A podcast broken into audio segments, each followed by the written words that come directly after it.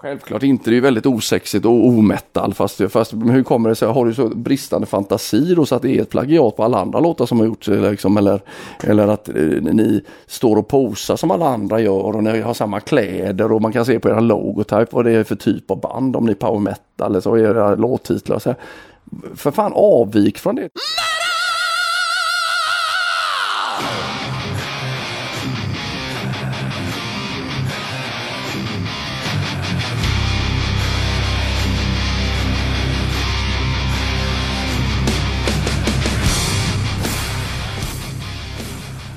Ja, Rockpodden har ju kommit ut varenda torsdag nu i snart fem år.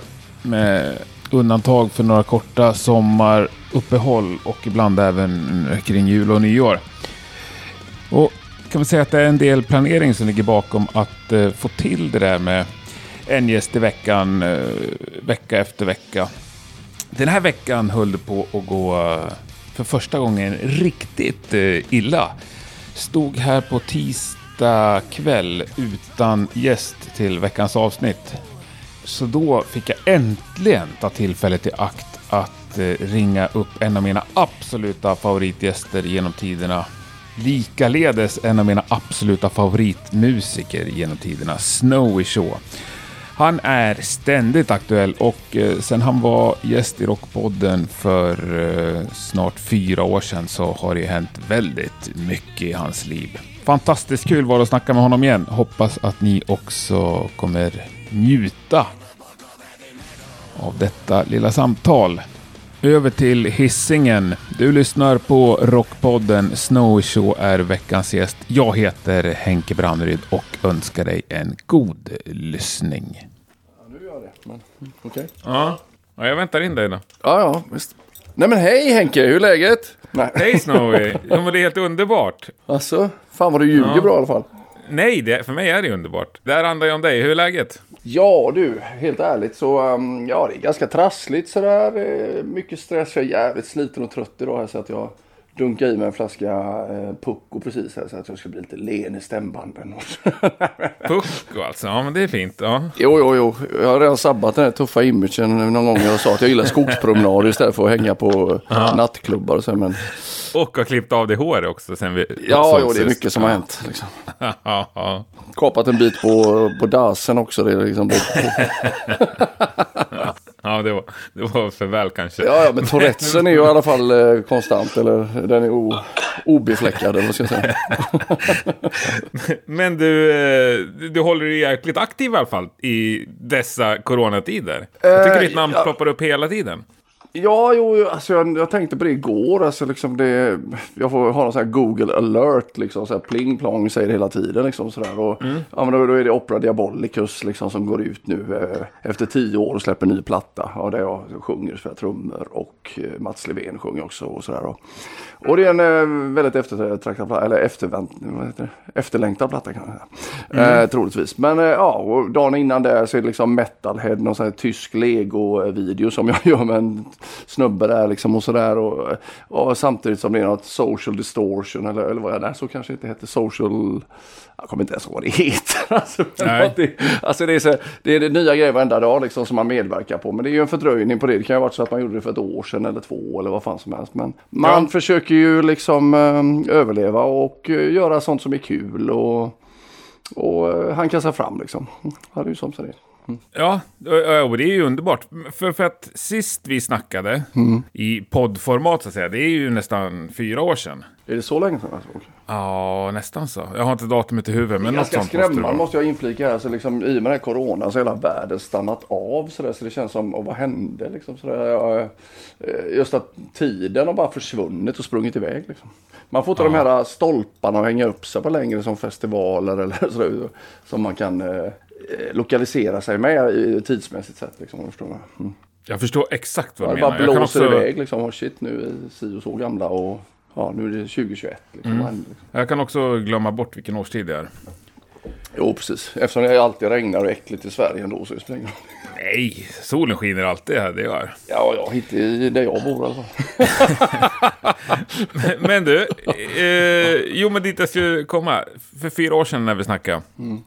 Då var du ändå ganska sparsmakad med att tacka ja till saker. Okej. Vadå, Fick tänker du pro projekt tänker du så eller? eller vad Ja, du? Okej. tänker jag på. Och spela trummor så där var du inte alls sugen på. Du ville mest göra bara dina grejer. Ja, Jag, jag, min, jag jag- minns det, vi snackade just det med trummor och så här, men det, det, är, det är en viss skillnad att göra sessionjobb sådär än att eh, haka på band eh, som Ja. permanent medlem och sånt där. För det, det, Ja, gör, jag, det gör jag ju inte nu heller liksom sådär va. Mm. Men, eh, Nej. Men eh, ja, göra sessiongrejer och olika projekt så, som man tycker är tilltalande och som dessutom betalar hyran. Liksom. Det är ju kul. Mm. liksom, så. Ja, det fattar. Men får du ännu fler frågor? Alltså tackar du fortfarande ja till mycket Eller nej till mycket grejer? Eller? Alltså det är ganska lustigt hur det kommer i vågor där. Jag minns att jag tänkte det för typ ett år sedan. Alltså, liksom, musikbranschen är ju som den är och det blir ju som sagt inte bättre kan jag ju lugnt eh, säga. Nej. med att försörja sig på den här skiten då. Men, eh, men i alla fall så tänkte jag det. Okej, okay, om det är så att folk vill ha, vill ha mina tjänster så kanske jag ska ta och bli lite mer aktiv på den fronten liksom helt enkelt och tacka ja till fler jobb och uppdrag och sådär. Och jag började inte ens lägga ut någonting sådär att jag var tillgänglig och så utan jag bara tänkte tanken så poff liksom så dök det upp. Så jag gjorde kanske åtta plattor eller någonting på ett år bara trummor just och, och eh, kanske lika många med sång och sådär så att det bara hände av sig självt kan jag säga. Mm. Vilken jävla... vad heter det? Tankekraft alltså. Ja, jag har, har den kraften. Ja, jag vet shit. inte. Nej, men det är bara, ja, det bara rasa på där och det var bara tacka och ta emot. Men nu har det inte varit någonting på just med den grejen på kanske ett, jag vet fan, ett gäng månader här. Liksom. Men det är, jag är fullt upptagen med mina egna grejer nu så det passar mig alldeles utmärkt. Liksom. Ja, Ja, det låter ju underbart. Men, men berätta lite om Opera Diabolicus då. Börja där. Eh, Du känner inte till bandet det kanske eller? Eh, inte särskilt. Berätta. Nej, förlåt mig, det är inget band. Det, det består av två killar, David Grimoire och Adrian. Vad är det han kallar sig? The Crow tror jag. Ja. Och eh, ja, det är väl det som... Det är ett projekt som de var på med och tjatade som fan. Vet liksom sådär kanske 2005 eller någonting i den stilen. Och precis som jag säger så har jag varit lite restriktiv med vilka grej, grejer jag tackar ja till och sådär. Och då tyckte jag, men herregud vad ni tjatar jävla idioter liksom. Så jag, jag vill inte, jag vet inte vad det är för något, något lokalt liksom. Så, fall, så, så tänkte jag, jag får väl höja priset så mycket så att de inte har råd. Bara får bli av med det. Så här, men, men i alla fall så, eh, så tog jag mig tid, detta var precis när jag gått med i Ethereum, nej det var nog 2007 förresten, eller 2006 kanske. Men i alla fall så, ja, så åkte jag dit någon, eh, upp i studion där någon gång och, och det visade sig att jag hade fel för det var ju precis right up my alley kan man säga. Liksom. Det var precis vad jag gillade. Liksom. Det fanns ingredienser av Candlemass och King Diamond och Dimmy Borgir och Notre Dame och skräckmetal pompöst på något sätt sådär. Så att jag, jag i alla fall, nu gick jag väldigt långt tillbaka här. Men eh, ja, och då skulle jag bara sjunga på det och jag var siste man in på det, på det sättet. Så. Men, eh, och sen mixade de, det, det funkar inte liksom. Ja, så jag har hjälpt dem och guidat dem och lotsat dem och designat. Eh, varit lite coach på något sätt och plåtat åt dem. Och, och, och, då, ja, och, så, och sen sa jag så här att ni hade programmerade trummor. Jag vet inte vad sån var men det lät ju röv helt enkelt. Så, att jag, eh, så då kom de tillbaka till mig efter att då, två misslyckade mixar och sa att det funkar inte med de här programmerade trummorna som de har gjort. Så, så då hystade jag dit trummorna lite snabbt. Liksom. I alla fall i efterhand. Ja, mycket sånt där. Men så fick de en deal och, och första plattan släpptes då efter mycket, mycket om och men. För tio år sedan och, och sedan dess har de jobbat på den nya plattan helt enkelt. Och eh, ja, och då medverkar ju även jag och Mats precis som förra gången. Liksom. mm. Mm. Nej, men skitkul. Och när är den på G? Hade vi ett datum på det eller? Eh, nej, jag vet faktiskt inte. De har bytt skivbolag nu som tur är, för det andra var ju sämst. Liksom. Eh, och de gjorde absolut ingenting och sådär. Så att de försökte bli fria från det genom att byta namn eller byta kön eller vad fan som helst. Liksom, bara för att bli av med skiten. Men så blev, hade de en override där helt enkelt med vad heter han, Ceases of Miss, det franska liksom, som satsar lite mer på, på eh, vad ska jag säga, mörka band på något sätt. Lite ockulta och lite obskyrt och, och underground sådär. Så att det har ju varit väldigt bra. Och, ehm, så jag tror att det släpps i juni faktiskt. Eh, om det inte kommer någon video eller så innan vet jag faktiskt inte. Ja, coolt. Ja, det får vi kolla upp helt enkelt. Ja, ja. Ja, nej, men jag tycker att det är ett jättebra band faktiskt. Jag, jag sa det till David att det här är nog fan det bästa plattan jag medverkar på någonsin kanske. Jag tycker det är fantastiskt. Åh, jävlar, det är inga små ord alltså. Nej, nej, nej men jag, jag, så kände jag. För jag, jag har all respekt för honom som låtskrivare. Han är ganska lågmäld och inte förhäver sig sådär. Men, men, eh, Men det är jävligt, jävligt, vi delar smak och tycke liksom. Så. Mm. Och Mats Levén kan jag säga, alltså han har gjort otroligt mycket plattor och sådär men jag har nog aldrig hört honom sjunga så bra liksom. Så, så att, eh, ja. Fan vad coolt. Han var ju gäst i den här podden förra veckan. Okej, okay, så det. Mm, jag tror att ditt namn kom på tal då också, för du hade varit med och trumma på någonting va? Ja, förmodligen. Ja, jag har ju spelat på hans Skyblood-grejer och sånt där. Men... Ja, det var i det sammanhanget. Mm. Ja, men det ser man, du vet, apropå detta. Då, jag tror att jag la trummorna 20, i Stockholm 2011 eller någonting.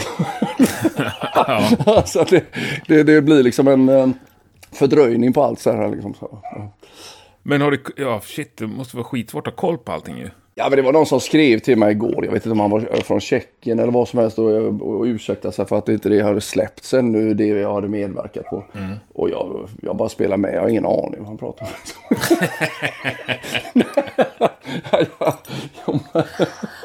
ja. det kan vara så ibland. Men då har inte du koll på så här sami-pengar och sånt där? Det måste vara svinsvårt. Alltså all sån skit. Alltså nu kanske jag inte ska säga för mycket. Jag skiter fullkomligt i det. Det känns som 1900-talsfenomen. Lägg ner liksom. ja, men jag tror väl att man kan göra pengar på det om du... du som är med Det är bara bullshit också. allting liksom. Okej. Okay. Jo, jo, men alltså, jag kan tala om ett bra exempel här. Eh, när vi gjorde Mad Architect som jag har gjort två plattor med och sådär. Men han, det är ju han som var, skulle vara ledande i bandet då, Magnus där. Han rapporterade, han tog på sig att rapportera till Sami. Eh, mm.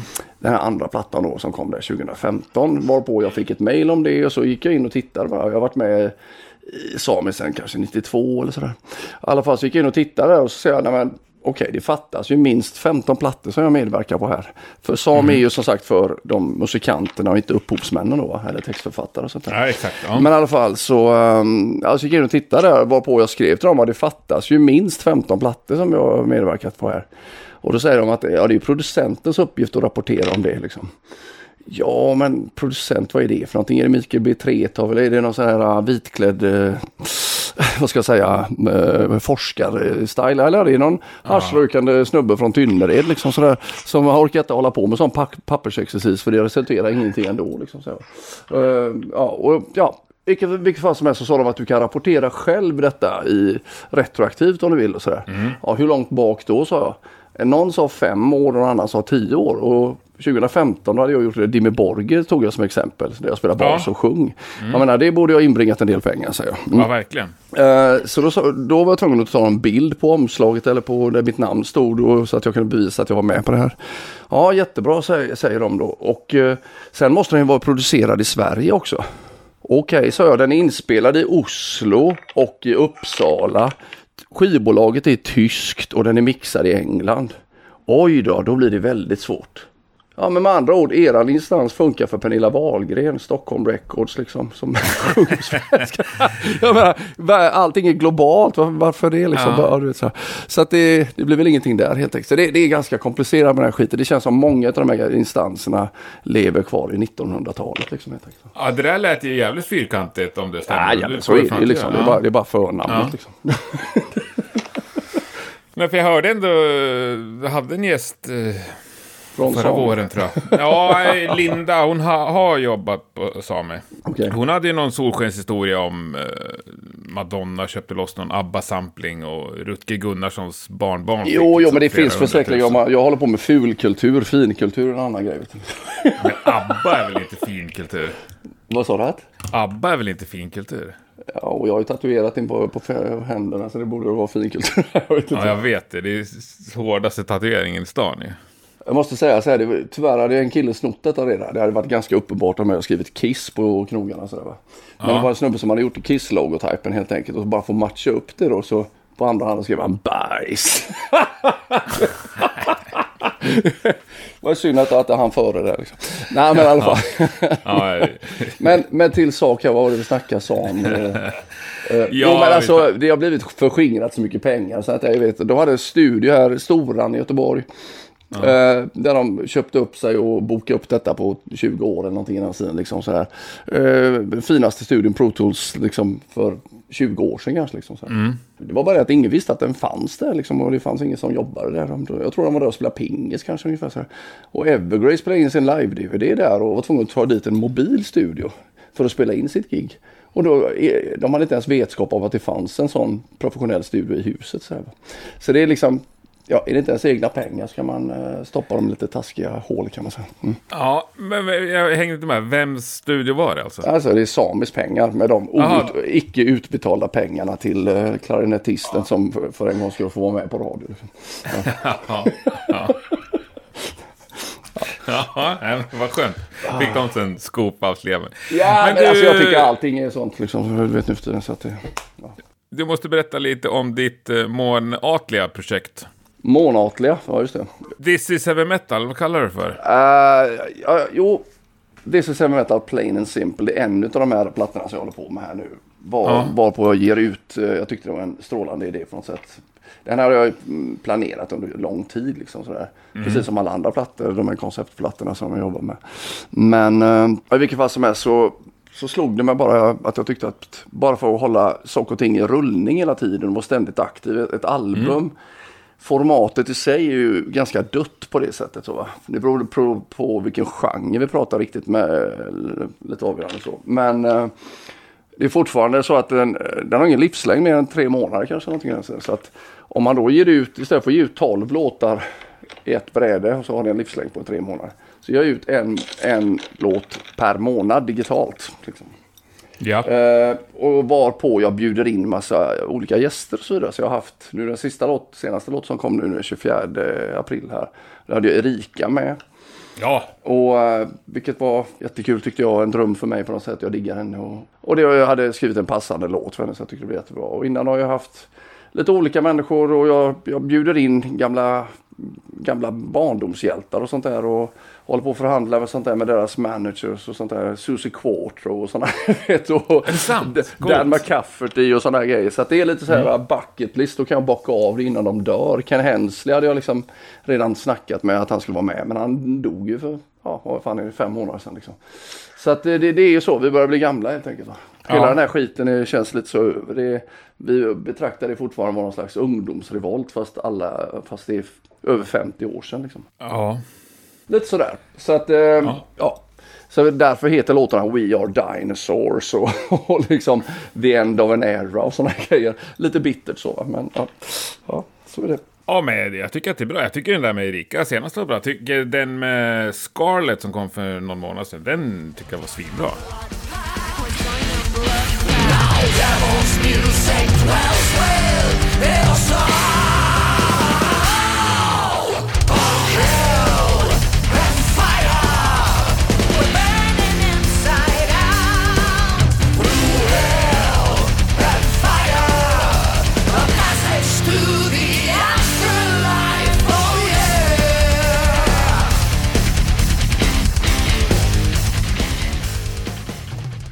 Ja, det var det första ut. Jag hade en annan amerikansk snubbe som sjöng på det först. Men eh, jag vet inte om han missförstod. ja, det var så jävla dåligt så att jag var tvungen att lösa det på ett annat sätt. Och skalet fanns i hans där. Så jag är en cool tjej. Liksom. Ja. Ja, verkligen. Men du, du skriver allt till det där? Ja, grejen. ja, alltså det är ju så att jag, jag skriver och spelar in allting och sådär. Och så sjunger jag in det också och så får de bara ersätta då vissa delar utav det. Att de kanske sjunger en vers eller att vi ja, delar upp det lite på olika sätt. Så. Ja. Beroende vad som passar. Så jag hade liksom, jag ska inte säga för mycket det men det är kul att bjuda in gamla hjältar, levande legender, eh, ja, före detta bandpolare eller bara polare. Sådär. Så att jag menar, jag hade Steve Sylvester och gäster från Death SS som har varit någon alltså underground eh, för mig på något sätt. så. Och eh, ja, italienskt band och sådär. Va? Eh, ja, bara sånt där, det är jävligt kul att, att knyta an det liksom. Och I dessa tider också så menar, allting sker, det är ju inte så att vi träffas ju inte liksom. Utan man skickar ju bara filer på det sättet. I coronatider så kan man, var och en gör det i sin Ja. egen hemstudio i stort sett liksom. Eller om man nu går till en studio så. Så att, eh, ja, men det är ett kul samarbete måste jag säga.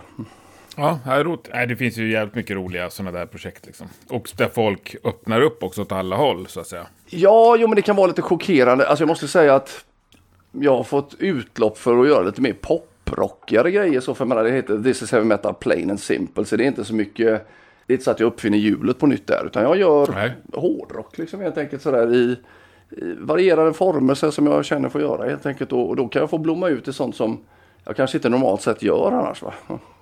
Då kan ha, eh, ja. Ja, och det, vilket känns jävligt stimulerande och kul på alla sätt och vis faktiskt. Och kreativt. Och, ja, då kan jag göra så här mm. som den här Tell Me Tell Me till exempel med eh, där Erika med. Och det tycker jag är himla bra. Det, jag vet inte, det påminner, vad är det för någonting liksom?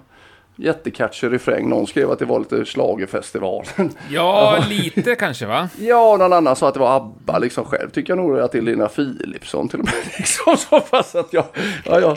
Jo, men jag tycker det är roligt att få göra det. Jag gillar att göra. Kör! Känner inga begränsningar. Nej, ja det, det skiter jag i. Ja. Eh, men du, vi måste snacka lite om din bok också. Absolut. Eh, berätta, eh, alltså när du snackade om det där sist vi, vi pratade, mm. då fick jag för mig att det där mest var liksom en, någon slags dröm sådär. Som vissa slänger ur sig bara, att äh, vad fan ska jag skriva en bok en vacker dag. Nej, för fan. Då hade jag ju, om detta nu var tre eller fyra år sedan som vi träffades sist, och jag har ju hållit på ja. bra länge. Fast jag har inte mm. skrivit mm. konstant, utan jag påbörjade ju detta som någon slags självterapi egentligen eh, strax efter jag hade fyllt 40. Mm. Eller, ja, och fick värsta livskrisen helt enkelt. Och insåg att nu, nu kan jag inte fly, nu är jag en medelålders gubbjävel liksom.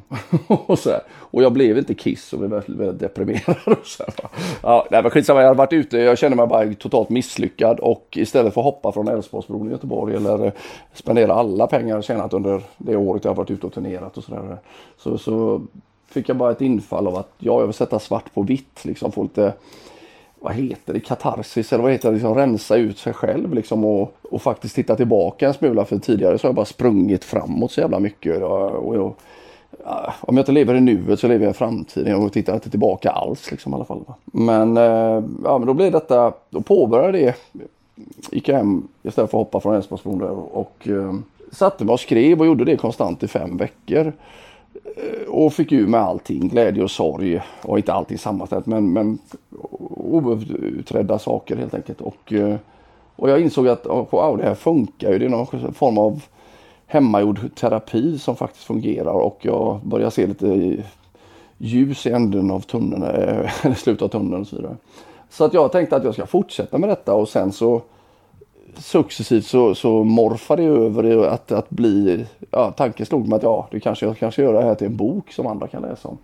För mitt liv har varit ganska kaotiskt och eh, spännande och händelserikt på många sätt och vis. Liksom. Så att eh, då kan fler se hur det är. Och jag menar, jag svor för mig själv när jag började med det att jag måste ju vara 100% ärlig. Liksom, annars funkar ju inte terapin jag sitter och ljuger. Nej, nej. Men, eh, och, och, på den linjen fortsätter jag ju sen också. Va? För att det finns allt för mycket sådana rockbiografier eh, de senaste åren där det är någon slags glorifierad rock'n'roll-saga där man kommer från trasig familj och sen så blir man svinkänd och bor i Beverly Hills och knarkar. Liksom.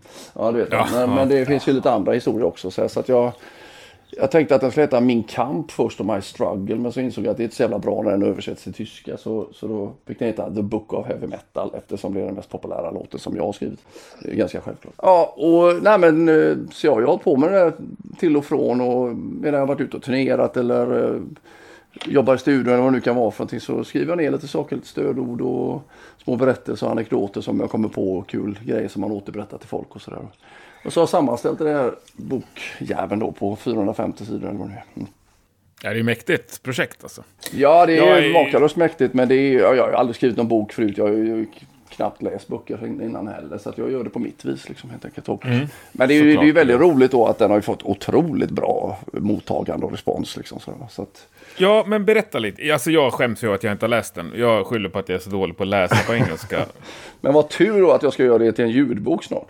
Fan vad Ja, men det är väldigt många människor som inte har tid att läsa i dagsläget så som det är. Men mm. å andra sidan, ljudbok är en väldigt bra grej tror jag. För då kan man ju vara ute och vandra i skogen eller sitta i bilen eller vad fan man nu gör. Liksom. Mm. Ja, det är lite som podcast. Men eh, positiv respons, berätta. Vad säger folk som har läst den? Eh, alltså, ja, det är inte nådigt liksom. De tycker att det är det här borde vara en förlaga på hur man ska skriva en självbiografi. För jag är extremt, precis som jag är nu så har jag inte så mycket filter. Jag säger vad fan jag vill. Liksom. Eller det mm. som poppar upp i huvudet. Och, ehm, eh, och, och nog har väl sansat mig en smula och kunna omformulera detta eftersom den är skriven på engelska också. Så att säga. Men eh, ja, när folk tycker att den är så ärlig och bra. Jag berättar ju baksidan av hela den här, eh, hela den här scenen också. Så att säga. Att det är inte bara liksom glitter och glamour och, och liksom party och brudar och sådär. Utan det, Alltså det, det, kräver ju jävligt mycket uppoffringar eller um, ett jävla massa slit liksom och ett osäkert levande och man vet inte liksom alls. Va? Men det, man får ju följa sin passion och så. Men responsen har ju varit otroligt bra just därför kanske för att det krävdes någon som talar om sanningen kanske. Mm. Det har ju varit lite sura miner också. Jag, jag, eftersom jag berättar sanningen så säger jag ju till exempel hur det funkade med Messiah som jag beundrade mycket med Candyman som var förband till King när jag var ute. Jag tyckte mm. det det första gigget så sa jag att liksom, allvarligt talat ni är så jävla bäst liksom. Så vi måste byta ja. turordning. Ni ska ju headlina sa jag då. Liksom. Och, jag tyckte, mm. och sen när de gjorde sig av med Messiah kunde jag absolut inte begripa hur fan de kan göra det. Han är ju fantastisk liksom. Han bara äger scenen och så va? sjunger och ser ut som en sån stark ikon mm. helt enkelt. Men eh, när vi började jobba uppe med Mentomori så i studion så märkte jag ju okej okay, nu förstår jag. Och han var väl så glad över det kan jag säga. när han, när Men har, har han kontaktat dig sen boken kom ut? Liksom? Nej, han tog bort mig på alla sociala medier. Jo, men det, var det det enda som hände så att säga? Ja, jag har väl hört på omvägar och han är sur, men det... Vad fan ska jag åt det liksom?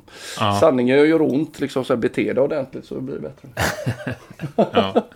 Det är i och för sig också jävla subjektivt vad det innebär. Ja, jo, jo, jo. Jag ska inte babbla för mycket om honom, men menar, det, i dagsläget så är det ganska väl dokumenterat hur, hur, um, ja, hur, hur han kan vara besvärlig att samarbeta med. Och mm. Mm. Men, finns det fler människor du hänger ut i boken? Ja, jo, alltså jag ser ju inte detta. Det var väldigt viktigt. Det var någonting som jag sa till mig själv. Att det är inte så att oh, nu får jag ha ordet och kan jag sitta och klanka ner på folk. Det är inte det som det går ut på. Men jag berättar Nej. ju. Alltså det som är nödvändigt för att driva historien framåt och varför blev det si eller så, varför splittrades eller vad hände där? Jo, det var så här det gick till. Liksom. Så då berättar ju sanningen så, så, utifrån mitt perspektiv såklart. Jag kan inte mm. berätta från, utifrån någon annans perspektiv, men Nej. som jag ser det. Och eh, Nej men så, så det blir väl lite folk som får sig lite kängor men å andra sidan så lyfter jag ju fram dem också så att säga och sådär. Men det, du vet, det funkar ju liksom så här. Om en person får på sin platta så får de så här, åtta svinbra recensioner och så får de två dåliga. Och då minns de bara de dåliga. Liksom. Ja, verkligen. Ja, så att jag menar om inte du kan ta åt dig av ris och ros liksom så här, vet vad. Mm. Så, ja, det är ju svårt. Det, det där kan jag känna igen faktiskt till viss del. Jo, jo men, men alltså, man får, jo. Men det är ingen vits heller. Det, jag menar, det ska vara intressant också att läsa om det. Jag menar, precis som om jag läser om Kiss så vill jag höra att Peter Criss är en idiot. Liksom, för att, att Paul Stanley säger hur han beter sig. Ja. ja. Om det nu är så menar jag. Så att han ska inte sitta och hitta på. Men, men om det nu är så så vill jag gärna veta det. Yes. Men är det fler än Messiah som har liksom tagit bort dig? Eller? Nej, inte vad jag kommer på här. Alltså, jag har inte hört av Kim Marcello. nej, nej. jag vet faktiskt inte. Han, jag... ligger, i risk, han ligger i riskzonen alltså? Ja, behöver man väl knappast säga. Så, jo. jag vet inte. Jag, jag, har ingen relation alls till Kim Marcello. Nej, ja, men, ja, det är kluvet. Han är ju en fantastisk gitarrist och en jätterolig kille och så vidare också. Men det, uh, ja. ja, du får läsa själv kan jag säga. ja, jag, må, jag måste fan göra det alltså. Mm. Men du tänker att den ska ligga på liksom Alltså på sådana ljudbokstjänster eller? Alltså jag har inte kollat det så noga än. Jag har väl Nextory eller vad fan det heter. Jag har ju ja. lyssnat lite på sådana här böcker. Eh, men jag, och så blev jag kontaktad av något bolag och sådär. Och så ringde de upp och då satt jag upptagen och så har jag tappat kontakten. Och så. Mm. jag tänkte att jag tar tur med det sen. Det är ju likadant som med boken egentligen. att jag tror inte ens att jag brydde mig om, jag har liksom gett upp det där med skivbolag och sånt där också efter dåliga erfarenheter så jag tar hand om det själv. Alltså, för det är ju en annan värld nu. Internet har ju förändrat allting på gott och ont. Sådär, va? Mm. Så jag menar, och då pallar inte jag att liksom någon ska ta 50% av mina intäkter och att jag gör någon slags masterdeal och så är det någon som eh, hanterar saker och ting som man gjorde 1995. Liksom. Nej. Men de, vissa, vissa är ju på den nivån. Liksom, eller vad fan ska jag säga. De har inte uppdaterat sig alls. Liksom, så. Tycker att om en halvsida i Sweden Rock, det är bra. Ja, det är möjligt. Men eh, det finns andra vägar att gå också. Liksom, så. Ja, för du gjorde allting själv gällande boken? Ja, exakt. Jo, så jag, Upptryckning. Jag, ja, jag kränger den då via min webbshop mm. helt enkelt. Eh, kan jag säga då. Här... Snowshop.com bara helt enkelt. Och så har jag den i USA också. För det, via ett annan grej bara för att det är så dyrt med fraktgrejerna och sånt där i dagens läge. Mm. Så det är många som har knorrat om det. De beställde min live-DVD eller så här. Och så kostar den eh, 20 dollar eller 20 euro eller så här. Och, och så är frakten uh, dubbelt så dyr. Liksom. Mm. Men det är ju inte jag som tar de pengarna. Jag kan inte göra någonting åt det. Liksom. Nej. Nej, men det blir fel. Men, Nej, men, vad jag skulle komma till är ju att jag valde ju likadant med boken för att jag om premisserna är så dåliga helt enkelt då är det lika bra att ta hand om det själv. Liksom så. Det kanske inte är optimalt men okej, okay. nu är det väl så att inte Bonnier eller, eller Universal hänger på låset heller. Så, så då, då, då, kör jag själv. Liksom. Men hade du någon hjälp av någon slags redaktör eller något sånt där? Eh, alltså jag hade någon, jag tror det heter betaläsare. En kvinna mm. där som läste igenom det. Och det är lite intressant för att höra hennes eh, hon läste igenom ett par kapitel i alla fall, eller kanske hälften utav det. Ja. Men om jag då skrev så här PA system så, eh, så här, ja, efter mm. skriver på engelska. Och hon var ju så här duktig på engelska och så här, men, men hon bara private, uh, vad fan var det hon sa, uh, address liksom, eller personal address system. Aha, ja, du vet så här, hon kände inte till de här musiktermerna helt enkelt. Så jag tänkte att jag får skriva loudspeaker istället eller så bara så att det blir tydligt för de som inte är så insatta. Lite sådana grejer så att jag skulle vara lite tydligare för alla är ju inte så nördiga eller uh, ja, insatta i den världen helt enkelt. Då. Mm. Men, men rent så här med stavning och grammatik och sånt där, fixar du det själv? Ja, alltså jag har ju fått väldigt bra komplimanger för det är liksom av amerikaner och engelsmän och så vidare. Att det är, liksom, det är fläckfritt och det är liksom eh, ett flytande språk. Och jag valde ju också, det är ju svårt att hitta en form för någonting som jag inte skrivit någon bok tidigare. Jag gick väl igenom någon fas där jag var lite bajsnödig liksom helt enkelt. Och, och försökte briljera med kluriga ord. Men då tänkte jag liksom, var, varför då? Det är ju inte så jag pratar. och liksom, eh, eh, vem är det jag försöker nå? Jag är inte akademiker. Jag skriver till folk som är som mig själv. Liksom. Ja, men det var inga större problem med det. I den mån det är det så det, det ja, nej, men det har funkat jättebra faktiskt. Ja, nej, fan vad kul mm. att höra. Och den finns eh, gott om ex kvar för oss som inte har läst Nej, alltså jag, jag gav ut en limiterad upplaga helt enkelt. Men det finns ju några kvar och, och lite mer i USA. USA då, sådär, men det finns ju fortfarande att beställa från min webbshop då helt enkelt. Det, så det finns väl lite så på Bengans tror jag också, liksom, det är exempelvis runt om i Sverige. Men det, det är vissa som har knorrat och vill att jag ska, ska översätta den till svenska. Men det ser jag ingen större anledning till. För att jag har valt att skriva på ett så pass lättförståeligt språk så att alla kan fatta liksom, om du vet, mm, i stort sett. Ja, fast samtidigt, hade den varit på svenska då hade jag ju läst den, det vet jag. Ja, ja men jag ser ingen anledning till det liksom. Lite. Nej, jag vet. Du, du, du skiter väl i mig? Nej, jag, jag skiter inte i dig, jag skiter, jag ska säga jag skiter i Sverige, gjorde jag. ja. ja, men det är lite det som är grejen. Alltså jag hade en polare som, som jag satt här med jag är så pass eh, och samarbetar med Indesign, det programmet, när man smäller ihop mm. allting. Han har jobbat i reklambranschen i många år och så vidare. Mm. Och var behjälplig på den fronten och ja, tilltryckeri och sånt där. Liksom. Men i alla fall, och, och han fattar liksom inte riktigt grejen alla gånger sådär va. Och, eh, men så sa han så här att, ja så du är, du är känd överallt, liksom typ som underground, eller worldwide underground. Mm. Och jag tyckte det var så bra sammanfattning liksom. För det är ju inte så att man är Rolling Stones någonstans. Utan man är lite känd överallt. Eller man är underground worldwide liksom, helt enkelt. Ja, eh, fint uttryckt. Ja, jag tyckte också det var um, ödmjukt fast kaxigt. eller vad man ska säga, men det är ju sant liksom. Ja, precis. Det beror ju på hur underground man är. Ja, ja men, alltså, men så har det ju varit för min del med alla olika band och sånt där som man är med i. Så att jag menar, man är välkänd runt om i hela världen fast man är inte stor någonstans. Det är ju inte som att man är Carola någonstans liksom. Nej, ja, ja. men Carola är ju bara Carola i Sverige också. Ja, hon är världsberömd i Sverige liksom. Ja, ja eh, bara. Ja. Men du ser framtiden, tänker du på framtiden?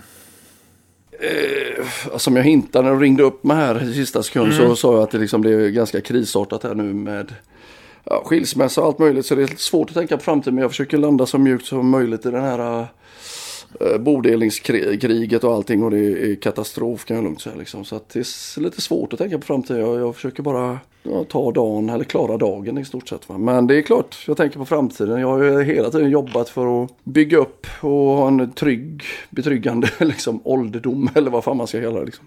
Mm. Eller, nej men för att kunna fortsätta hålla på med det jag gillar. Och samtidigt kunna slippa gå till ett vanligt jobb åtta timmar om dagen. Och det är väl därför som man är, gör så jävla mycket olika prylar också såklart. Men eh, ja, då får man väl... Eh, jo, det är klart jag tänker på framtiden. Liksom. Mm. Uh, ja, för, att som du också hintade då när vi snackade lite tidigare idag. Att mm. det här, när det går tillbaka till det normala. Det var liksom ingen drömvärld det heller ju som frilansande musiker. Uh, jag, jag, vet inte, alltså jag, jag tror att... jag vet inte vad fan ska jag dra för slutsats av det hela. Men det, jag hör ju det från så många att bara den här jävla corona blåser över liksom. Så allting mm. återgår till det normala.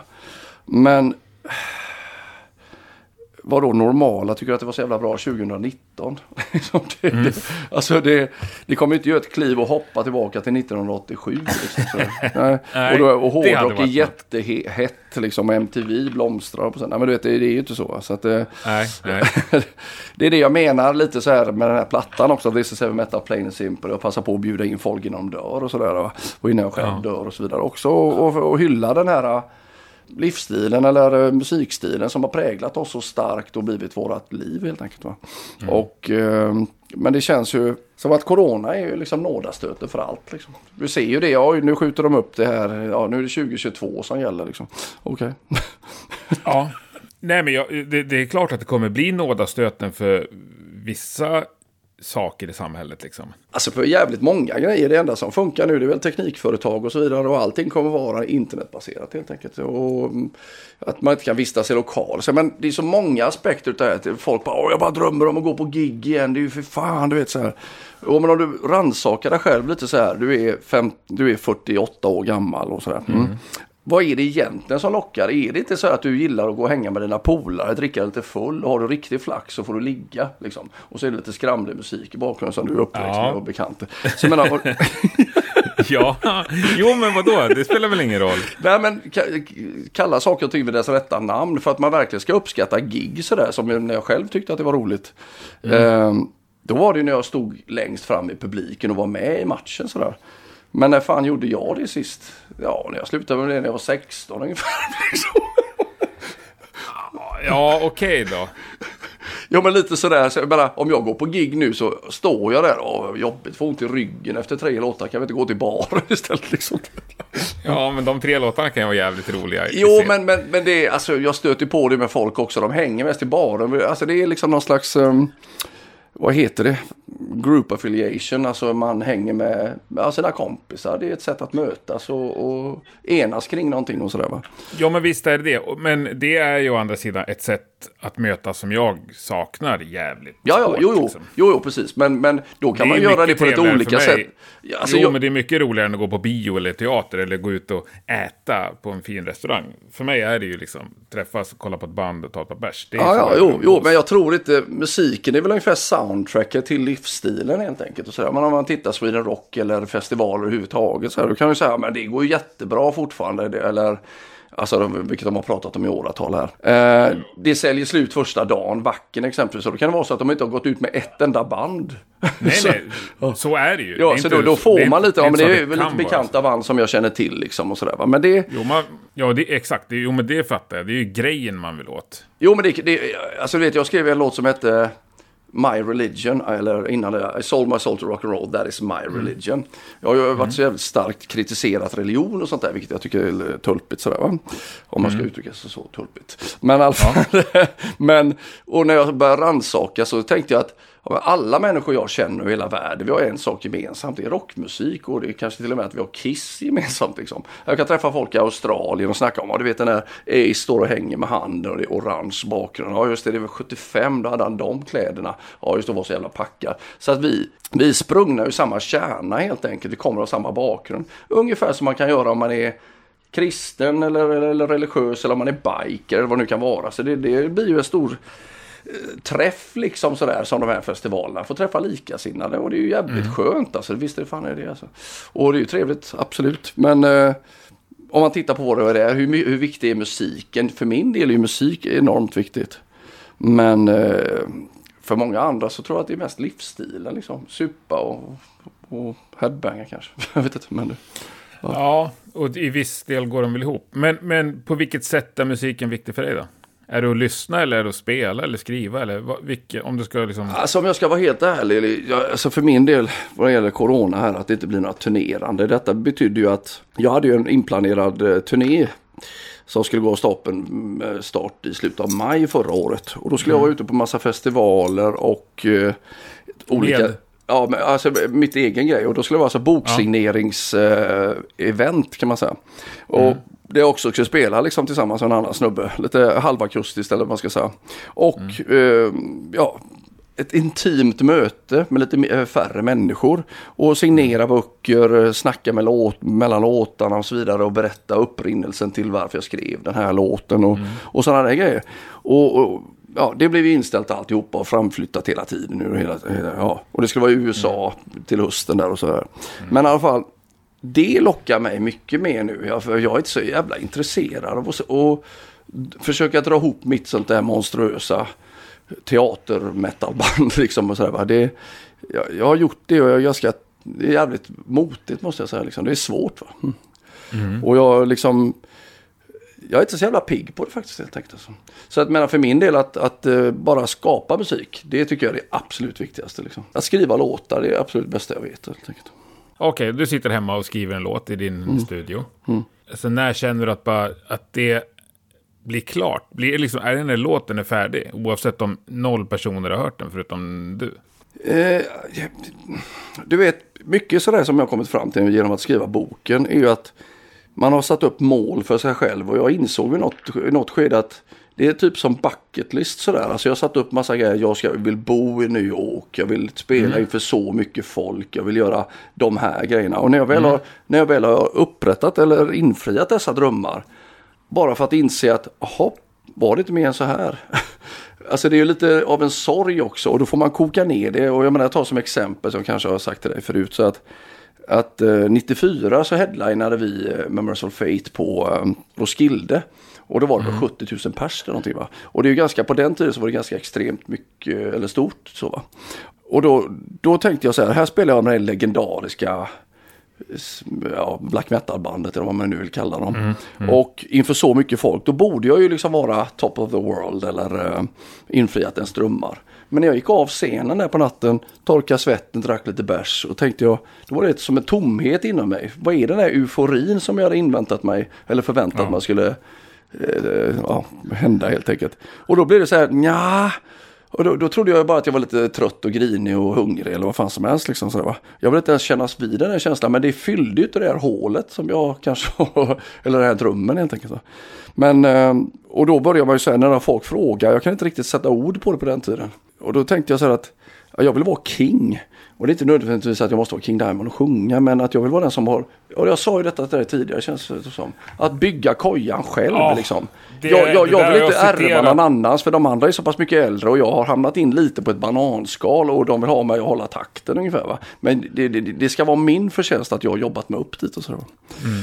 Och, det där har jag snott av dig och citerat dig på flera gånger. Att du vill bygga en egen koja, inte flytta in i någon annans. Nej, men för just alltså, den liknelsen kan ju låta konstig, men om man bara tänker på det, hur jag var när jag var liten och gillade att bygga kojor, träd och sånt där. Liksom. Mm. Eh, när man väl var klar med det, vad ska man göra då? Liksom, sitta och runka eller smygröka, vad ska man göra? Liksom? Ja, då, då bygger man en ny koja. Ja, ja, jag förstår det. Och det, det, det var så otroligt bra, för jag höll ju på, och det gör jag egentligen fortfarande. Jag vill ju bara att du ska spela trummor liksom. med alla band jag gillar. Men eh, du är det sånt bra svar på tal, för jag förstår det till 100 procent. Ja, nej, men jag, jag försöker ju ja, hela tiden rannsaka mig själv på det sättet. Vad, vad är det som jag ska göra för att jag blir nöjd? Faktum är, mm. för att svara på det du frågade inledningsvis här då, så. Mm. Alltså jag kan sitta i köket och plinka på en ackigura och sjunga en cowboy-engelska till något och så hitta på texten samtidigt möjligtvis. Eller så här, och tycka, fan det här är ju svinbra. Det är precis som jag vill ha det. Jag fångar precis den här mm.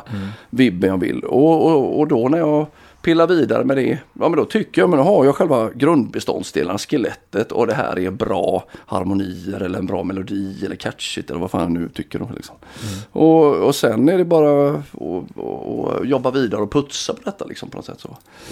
Uh, och så när man väl ska då, ja, när jag har spelat in det och ska mixa det, vilket jag gör med andra människor.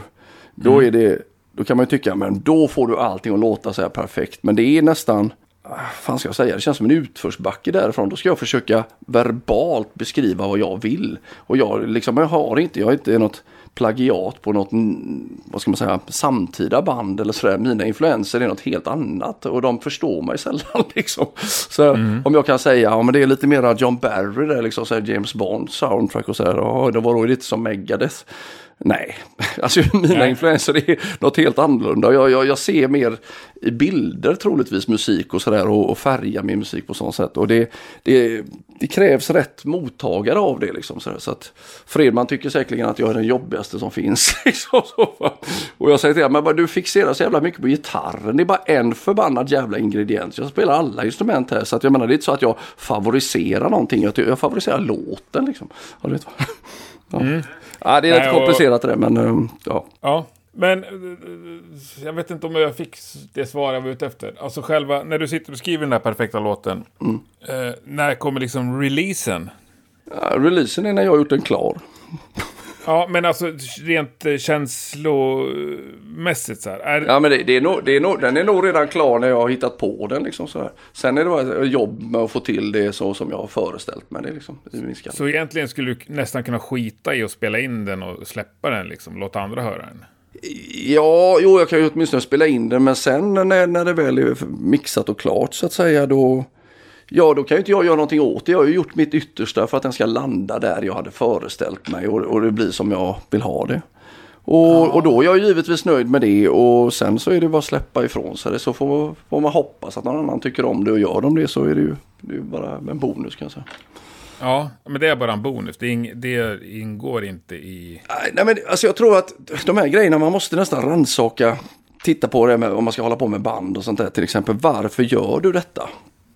När man börjar, jag vet att vi satt i England någon gång med Dream Evil och så i bussen så, så frågade jag, okej men varför gör du detta det egentligen liksom? För min del så handlar det om att få, för, eh, vad ska jag säga, eh, infria mina, mina barn Kiss fantasidrömmar, Kiss Destroyer typ och sådär. Men ja, och, fred, och jag vet att Niklas, Dream Evil-sångaren, han sa Ja, det kan låta lite löjligt men, men jag vet när jag åker och handlar i Borås liksom och, så, och de tisslar och tasslar bakom mig när jag är i mjölkdisken där och det är han sångaren i Dream Evil. Så här. Då känner han sig stolt och då, då, då var det hans grej. När jag frågade Fredman, ja men fan låt mig vara tyckte han.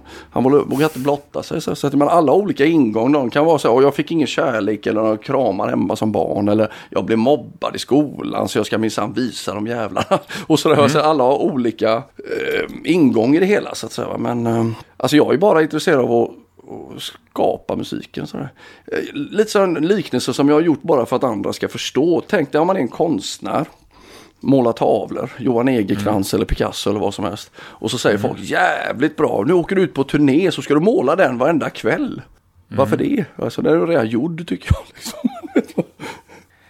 Eh, ja, eh, jag förstår verkligen. Inte. Jo, nej, alltså... Jag förstår, men samtidigt så är det många konstnärer som målar några jävligt bra tavlor. Sen åker de runt och har så här, äh, vad kallas det när de visar upp sina tavlor? Vernissage liksom. Åker de runt och har utställningar, Ja, men då är de ju färdiga. Ja. ja, då är låtarna färdiga. Det är inte det samma sak. Nej, men jag menar att varför ska jag försöka framställa den live på samma sätt och reproducera den? Så säga? Mm. Nej, nej okej då.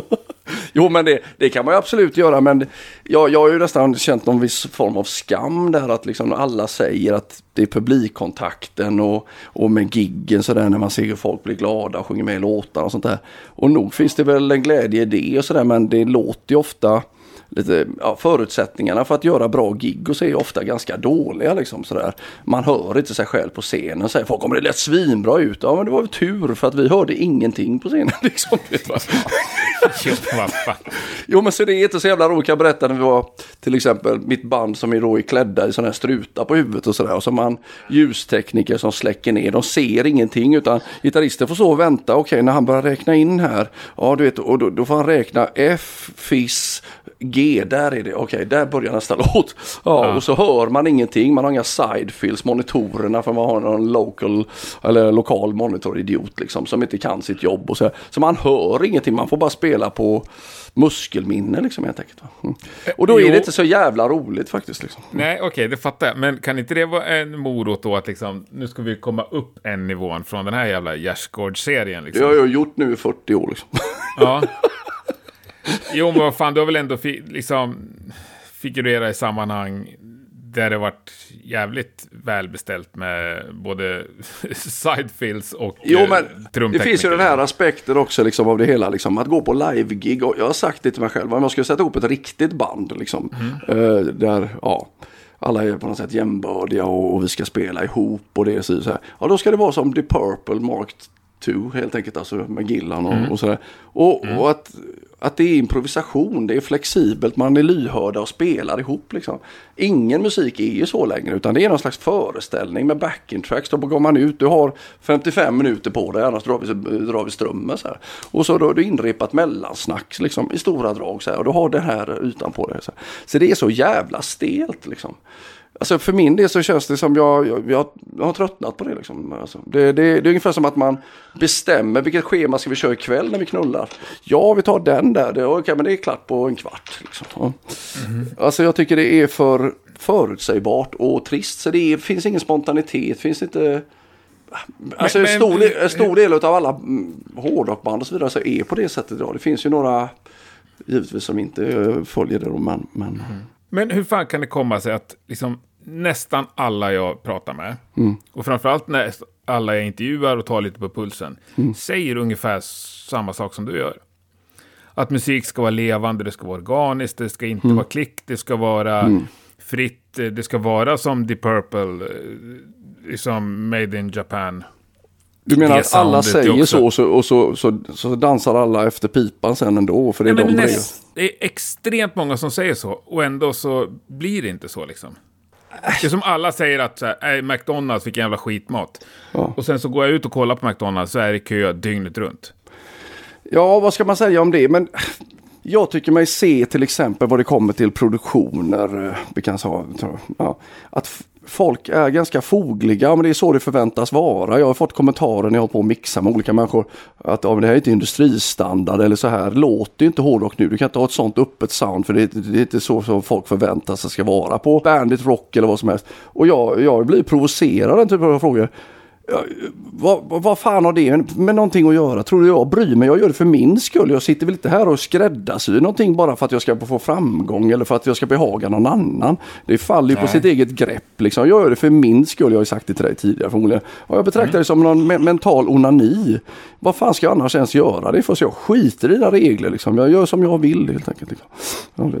Men jag, jag tror Ja. att de, de flesta människor, okej vi kan inte göra så. Bolag förväntar sig att det ska vara jävligt fett och liksom sådär. För det är så som det går hem i Tyskland. Liksom. Okej. Men det krävs ju alltid att någon bryter ny mark helt enkelt och att, uh, att man vågar ifrågasätta de här grejerna och ge fan i det liksom. Men då får man också ta konsekvenserna att den här plattan sålde ingenting. Det var inte alls vad folk förväntade sig. Liksom. Men är det inte just det du säger då? Att uh, ingen vågar bryta ny mark? Jag vet inte varför. Alltså, jag, jag, jag är ju ganska, jag skiter i allting och på så här, jag gör det för min skull. Liksom sådär, va? Jo, och det, det är klart att jag hör ju att du pratar sanning när du säger så. Men alltså, att bryta ny mark, det är ju inte att försöka återskapa eh, Made in Japan. Nej men då, då, jag, jag, jag pratar ju givetvis inte om att det ska låta just så utan jag menar bara att friheten i Nej. sig. Ja. Ja, och jag, jag fattar det. Men kolla på Prins Svart då, till exempel. Uh, Mats Löfvens band. Har du lyssnat på deras nya platta? Jag hörde lite på någon ny video sådär som jag tyckte lät jättebra så, och det är väldigt intressant. Svinbra, svincoolt. Men eh, jag, jag törs ju nästan lova att de inte kommer bli ett av världens största band. Men, ja, men då, då kommer vi till en annan fråga tror jag. Va? För då, då är det så här att vi håller på med någonting som är rock, hårdrock, metal, vad du nu Mm. vill kalla det. Sådär. Det är så befäst sedan så många års tid. Så att folk har förutfattade meningar om hur det måste vara. Likaväl som shit, alltså, vi sätter ihop ett rockabillyband, vad är det då? Ja, det är brylkräm, sån Elvis-mick och ståbas. Annars är Ja. det inte rockabilly. Så det måste Nej. ingå, ja det ska vara feta gitarrer, det ska vara skrikig sång, det ska vara dubbla baskaggar eller det ska vara fett. Liksom. Okej, du har inga andra, liksom, kan det inte vara bra? Liksom. Ja. Dyna, Jo, dynamik, är det förbjudet eller är man, är man en hippie då? Det har ju liksom Fredmark sagt, "Ja, du vet, ja, men då går jag ner här lite i volym. Ah, du ska spela lika hårt hela tiden. Och så. Ja. Jo, jo, men kolla på Ghost till exempel. Ja, jättebra exempel. Ja, Det är väl ändå Sveriges största band just nu. Utomlands i alla fall. ja möjligt, ja, absolut.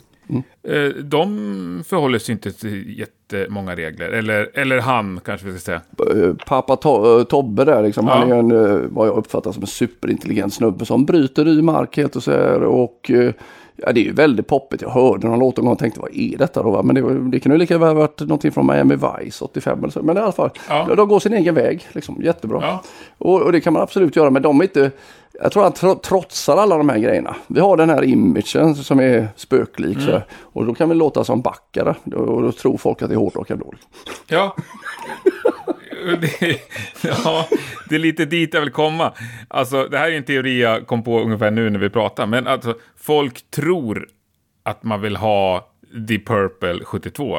Men det är egentligen det du vill ha, det vet du inte vad det är för något. För det finns inte. Alltså, men många grejer faller på sitt eget grepp kan man säga att man, man ska, om det ska, jag är lite mos i huvudet då måste jag säga. Så att jag ja, ja, det är lugnt. Kör. Det är kul. Det är Ja, också så. Jo, Ja. men, men eh, det är väldigt mycket förutfattade meningar. Så att säga, och man, kan, man ska dissa dansband då, du vet, och det ska alltid vara si och så. Jaha, du är inte kapabel att ta ett steg utifrån dig själv och säga att det måste alltid vara de här grejerna i hårdrockssammanhang. Alltså det är ännu stramare ramar där för vad som får göras. Liksom. Går man utanför dem så blir folk nervösa. Nej men kan du inte bara låta som Judas Priest, då vet jag vad det är, liksom, annars blir jag ängslig.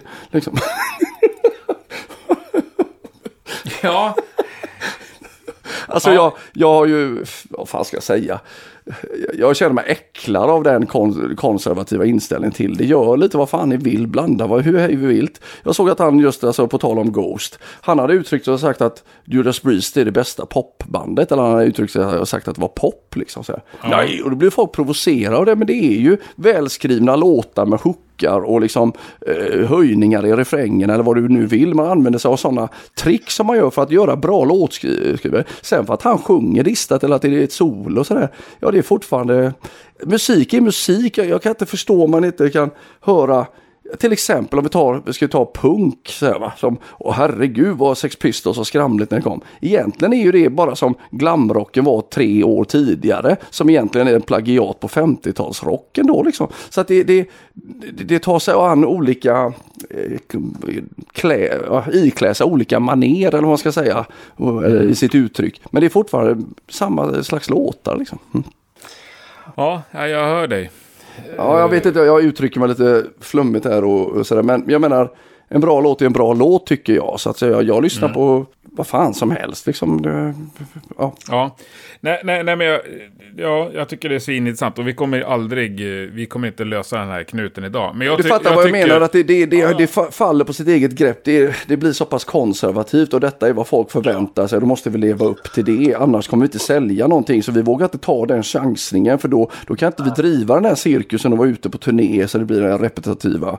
Turné, liksom studioplatta, turné, så här, få underhålla Ja. det.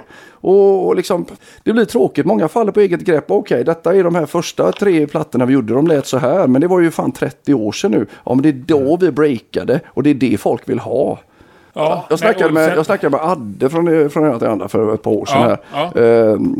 Eh, Hardcore Superstar-trummisen där. Och, Ja, ja. och då hade de gjort någon platta som var liksom wow, den här har vi, vi har jobbat som fan på den och den är helt i linje med vart vi befinner oss nu.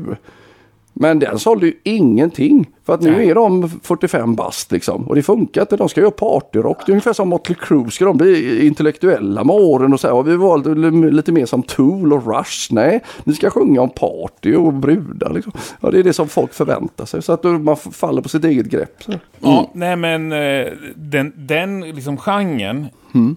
Hardcore Superstar, Backyard Babies, Mötley Crüe, Ja. det måste ju vara absolut svåraste genren att åldras i. Ja, fast mest visuellt liksom. David Roth var liksom eh, som Brigitte Bardot fast rocksångare sådär. Och han blev också 65-70 bast liksom. Och det Ja. ser ut som en gammal uteliggare tycker folk då. Men ja, Brett Michaels och så vidare. Så är det jättejobbigt liksom om du, om du lägger allt fokus på ditt utseende. Ja, fast man måste det borde vi kunna ta det ur det också, att liksom hitta en väg därifrån så att säga. Ja, men när man försöker, om man avviker från vad folk förväntar sig så blir de ju sura också. Liksom. Mm. så det, det, det är ju en svår Ja. grej, det där, svår balans liksom. Så. Mm. Ja. Men jag tänkte, om du tänker liksom på ett mänskligt perspektiv. Så tänk dig polare du hade när du var 17 som var helt galna då. Det är ju inte ändå orimligt att de nu 30 år senare har ett hus och barn och en bil och liksom en Nej men självklart, men, men, men, men jag menar till exempel som du själv säger, du vill bara att jag ska spela trummor i en massa olika band och, och folk Ja. uppfattar mig. Varför får jag en viss form av uppdrag? Givetvis är det baserat på vad jag gjort tidigare. Så det är inte så att någon, ja vi ska göra en jävligt schysst reggaeplatta, jag ringer vi Snowy, han kan göra det. Det kan jag Nej. göra, men det är ingen som vet om det liksom. Utan ja, han är ju den satanist-trummisen. Liksom. Ja. ja, men det är bara för att jag njuter av när du spelar trummor. Ja, ja, jo, jo, men jag menar inte Sen att får du jag göra dissar vad det du på något vill sätt. på resten av tiden. Men, ja. Mm. Ja, nej, men så man, man blir ju liksom folk, det, jag ska inte säga folk, för det är eh, även jag själv såklart. Alltså att man, man ser någon och dömer dem efter deras utseende och, och det är skönt att stoppa dem i en låda, ett litet fack där. Då vet man var man har dem, var de står någonstans. Liksom. Och, och, och det gäller ju allting och, och då kan man ju fastna på det. Och det gäller ju allting skådisar. Jag såg en jävligt bra film som har fastnat hos mig med Life and Death of Peter Sellers. Liksom sådär. Han var ju, ja, så jag kan, kan, rekommendera, utan han fastnar ju den här eh, Clouseau-grejen helt enkelt. Folk ville bara att han skulle vara en pajas. Han ville vara en seriös skådis men han fick ju aldrig chansen till det. Liksom så. Och alltså, så menar, man, kan ju, man kan ju fastna i sin egen roll där och så, okej, jag får vara glad att jag får uppdrag och om man nu är skådis eller musiker eller vad fan som helst. Men det är det som folk förväntar sig att man ska vara. Att, att eh, vissa då som kanske vad ska jag säga, om man har varit sån från början. Det beror ju på om man blir en ikon över en speciell grej. Eh, Eller, eller ikon, vad ska jag säga, om man befäster och får framgång med en viss grej. Då ska Ja. det vara så för alltid. Om du inte breakar däremot så kan du gott segla genom olika prylar och egen utveckling och så vidare genom årtionden. Ja, ja, herregud ja. Ja, det, Det finns ju många som provar både musik och skådespeleri ja, utan att slå igenom på någon av dem. Jo men de kan fortfarande liksom försörja sig och leva med detta men de är ju liksom inte De är inte alltså makalöst stora liksom. Han med Sylvester Stallone, han, han, eller du vet många skådisar de blir så typecastade eller vad det kan kallas liksom. Så här, Okej, du är det facket helt enkelt. Liksom. Jo, men samtidigt finns det ju många som aldrig breakar på något, så att säga. Så det är väl lite bortskämt att sitta och gnälla så här. Ja, alla ser mig bara som den här stora eh, skådisen som spelar den här typen av roller. Bara, jo, men vad fan, var glad för att de ser dig. Ja, ja. För något. Ja, ja, jo, jo, men definitivt. Det är inte så jag menar. Men, men eh, så att man får vara glad för det. Men jag är glad om jag får uppdrag och folk vill att jag ska trumma eller sjunga på grejer eller vad som helst. Men det är givetvis baserat på vad jag har gjort tidigare. För ingen skulle komma få, på liksom att anlita mig för att lira reggae eller någonting så här, va? Mm. Och, det, och det är lite tråkigt liksom. Så, vad sa du? Men kanske att spela viking i en tv-serie. Ja, ja, jo, möjligt. Jo, men det har väl fått förslag. ja, du ser. Ja, när, jag, när jag börjar jobba med casting kommer jag ringa dig. Nej, men det, är- det är så mycket med de här grejerna. Jag vet inte vad vi bubblar egentligen. Ska vi bara ha lite Nej. löst, löst snack om uh, högt och lågt allt möjligt. Men det, Jag tror att eh, det kommer ju aldrig komma i mål och eh, vi har lämnat tillräckligt många lösa trådar efter oss. Så vi kanske stoppar det här helt enkelt. Nej, jag överlåter det till dig. Du får klippa ihop något jävligt bra istället så babblar vi på här. För nu, nu är gasen tycker jag. Nu börjar jag vakna till. Ja, ja, ja. ja nej, men det är fan helt underbart. Nej, men alltså jag tycker det är så intressant. Jag menar, du säger att du pratar och intervjuar jättemycket folk och alla säger samma. Att det ska vara organiskt, det ska vara äkta, flexibelt och liksom musiken och så vidare. Men det, det har blivit för stor apparat och mött med för mycket förväntningar. Det är inte, alltså om saker och ting kom, om vi säger 60-70-tal, då fanns det en viss öppenhet och experimentlusta och saker och ting var inte riktigt befäst. Därför kunde man ju då experimentera och göra misstag och komma fram till jävligt spännande grejer. Nu är det så jävla be, be, befästa ramar för allting. Jag tror Frank Zappa satt och sa det tidigare på bolagen. Okej, då, då kom det några så här flummiga band, eh, 69 eller vad som helst. Och så de bara, okej, nej men ge dem lite pengar så ser vi vad som händer. Wow, det breakar ju. Ja, jag vet inte vad, varför folk köper den här skiten, men visst, det inbringar ju pengar till oss, säger skivbolagsdirektörerna. Och så tillsatte de någon snubbe som var någon praktikant som hade kokat kaffe eller så åt dem tidigare. Och då skulle han plötsligt bli A&R och veta bäst och satt där och dissade. Och så, här. så, så det blir svårt och då, då slutar de tänka. Jag menar man får chansa lite. Det fanns en mer öppenhet liksom sådär i musiken. Jag menar jag, jag tycker mycket musik är så jävla förutsägbar nu liksom. Och inte för att det är nu att jag gör någon så här banbrytande grej det jag håller på med just nu. Men det är, för mig är det en utveckling och jag gör vad jag känner för liksom. Så, men, ja, jag vet inte vad jag ska säga. Men, men kan du då som gammal, rutinerad och eh, liksom erfaren, kan du göra någonting för nästa generation eller nästnästa för att liksom hjälpa dem på rätt, in på rätt väg? Jo men alltså jag får ju frågan ibland här eh, när jag intervjuar och sådana här saker att om jag har några rekommendationer eller goda tips åt folk som vill bli rockstjärnor eller band som vill breaka eller så vidare. Så här. Och då säger jag don't liksom. eller, ja, eller så här, mm. Ni kan absolut hålla på och skramla några kompisar i ett garage någonstans. Liksom. Men, men skit i businessbiten av det hela, pengabiten, strunta i den. Gör det ni känner för. Det är ingen idé att försöka plagiera. Fan om nu låter det nästan som testament och de är ju populära. Ja men det finns ju redan ett sånt. För gör något helt annorlunda. Gör ni det själv känner för. Gör det för er egen skull. Så då, då har ni inte förlorat för ni kommer inte få den framgång som ni förväntar om ni sitter där och kalkylerar med att ja jag vill göra det så jag ska åka limo och ligga med groupies och så vidare. Men allvarligt talat det var fantasier. De grejerna det är inte 80-tal längre. Så gör det för din egen skull och sluta inte ditt vanliga jobb helt enkelt. Alltså, alltså det, jag, jag tycker man ser många tecken på de här grejerna när folk faktiskt Okej, okay, på vinst eller förlust. Jag satsar allt på det här. Jag gör det jag känner för. Det får bära eller brista. Och att det faktiskt funkar då helt enkelt. Snarare att försöka behaga. För jag menar, jag tycker det är så jävla orock'n'roll som det kan bli. Vitsen var väl att det ska vara någon rebellanda liksom helt enkelt mot etablissemang eller, eller eh, strukturer eller vad fan det kan vara. Hur plötsligt blev alla så angelägna om att behaga. Behaga dig själv istället. Liksom. Ja, men jag, jag, tycker det har blivit så jävla stelbent på många sätt. Jag vet inte, jag är trotsig fortfarande fast jag är 50 liksom plus. Jag har ingen aning, men jag, jag, jag, jag gör som jag vill helt enkelt. för jag gör det för min skull och ingen annan som gillar det så, ja det var ju tråkigt. Gillar de det så blir jag jätteglad. Men jag tänker inte sitta här och spekulera, vad är det de vill ha? Nej men tror att folk gör det då? Ja, det tror jag faktiskt.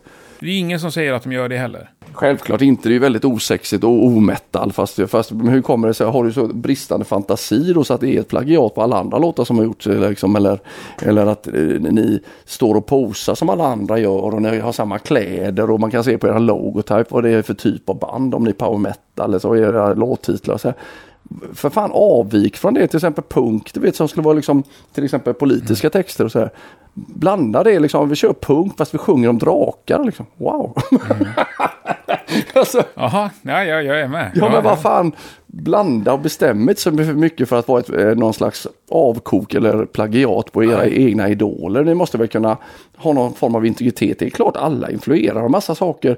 Men blanda och ge liksom på något sätt och försöka utveckla en egen pryl på det hela. Hitta ett eget mm. tonspråk.